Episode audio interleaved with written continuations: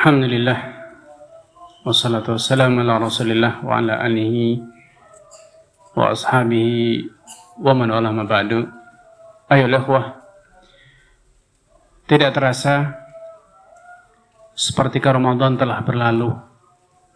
Sesaat lagi kita akan Sampai pada Pertengahan Ramadan. Dan Dengan kondisi yang sama kita pun akan mulai terkejut-kejut bahwa Ramadan tinggal 10 hari terakhir. Dan kemudian Ramadan telah berakhir. Muhasabah itu adalah kuncinya. Apa yang sudah kita lakukan? Seberapa yang telah kita capai? Dan bagaimana seharusnya kita? Kemudian kita bandingkan Apakah antara yang seharusnya kita lakukan dengan apa yang telah kita capai betul-betul telah sinkron sejalan atau tidak? Karena tidak seorang muslim, seorang mukmin yang bisa mencapai mimpinya dan cita-citanya. Dia tidak akan bisa. Laisa kullu ma mar'u yudrikuh. Laisa kullu ma mar'u. Tidak semua yang kita inginkan itu bisa tercapai. Apalagi kalau kita tidak punya keinginan. Kita ngalir saja. Kita jalani begitu saja tanpa ada rencana, tanpa ada himmah. Selagi waktu masih ada, seorang muslim sepatutnya bermuhasabah. Bagaimana dirinya dengan Ramadan? Bagaimana dirinya dengan Al-Quran? Bagaimana darinya dengan zikir istighfar kepada Allah Subhanahu wa taala? Bagaimana darinya dengan tadabbur, tafakkur? Karena banyak dalil baik dalam Al-Quran ataupun Sunnah yang merintahkan kita untuk tafakkur, tadabbur.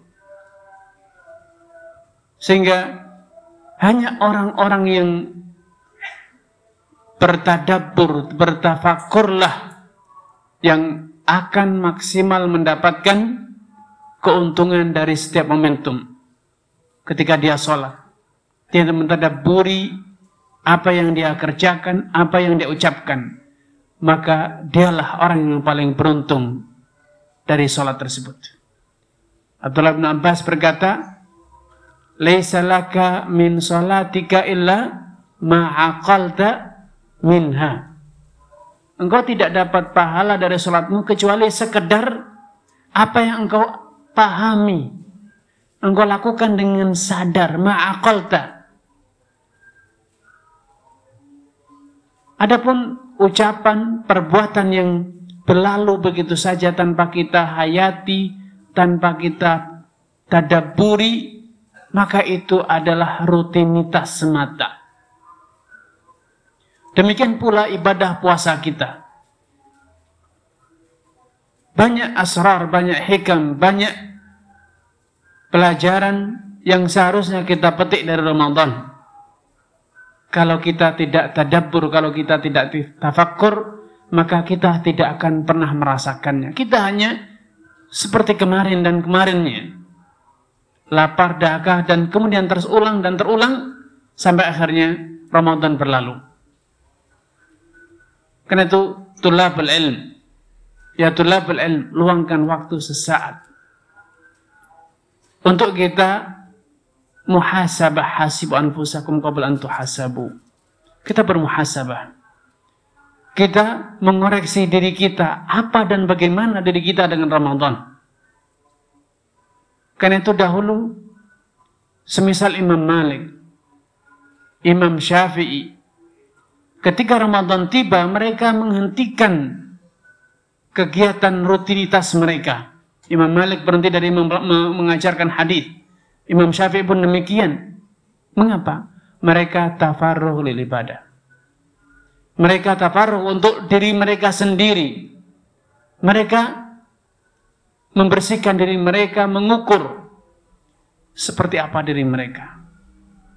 Sejauh mana diri mereka telah mendekatkan diri kepada Allah Subhanahu wa taala. Karena ikhwatul iman Inna Allah la yanduru ila suwarikum wa la atsadikum.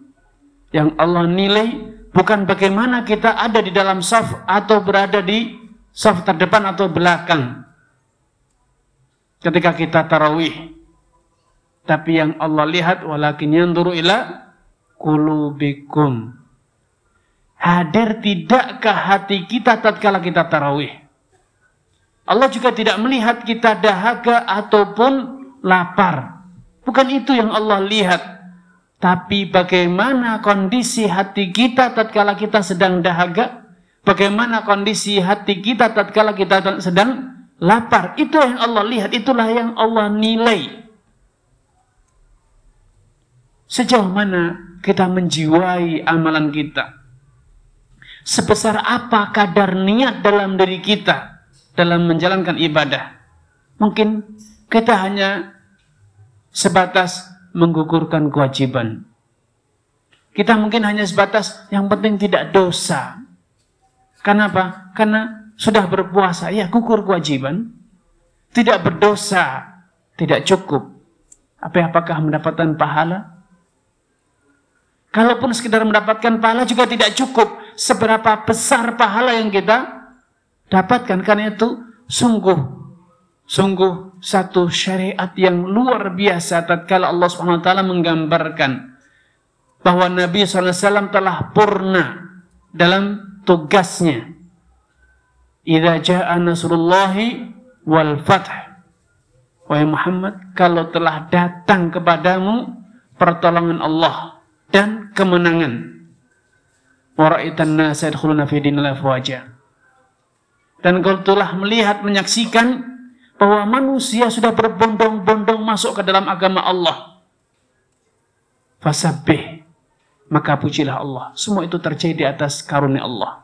Semua itu terjadi atas ma'unah dari Allah subhanahu wa ta'ala. Allah yang melakukan semua itu. Bukan kamu. Bukan kau yang hebat. Karena engkau dipilih sebagai Rasul itu pun karunia. Engkau diberi kekuatan untuk bisa berdakwah bersabar. Itu pun karunia dari Allah maka yang layak untuk dipuji siapa? Allah. Dan yang kedua, di saat Nabi SAW telah mendapatkan kepastian bahwa beliau sesaat akan purna dari tugasnya menjadi seorang Rasul yang diutus di tengah umat. Allah merintahkan kepada beliau untuk wastaghfir.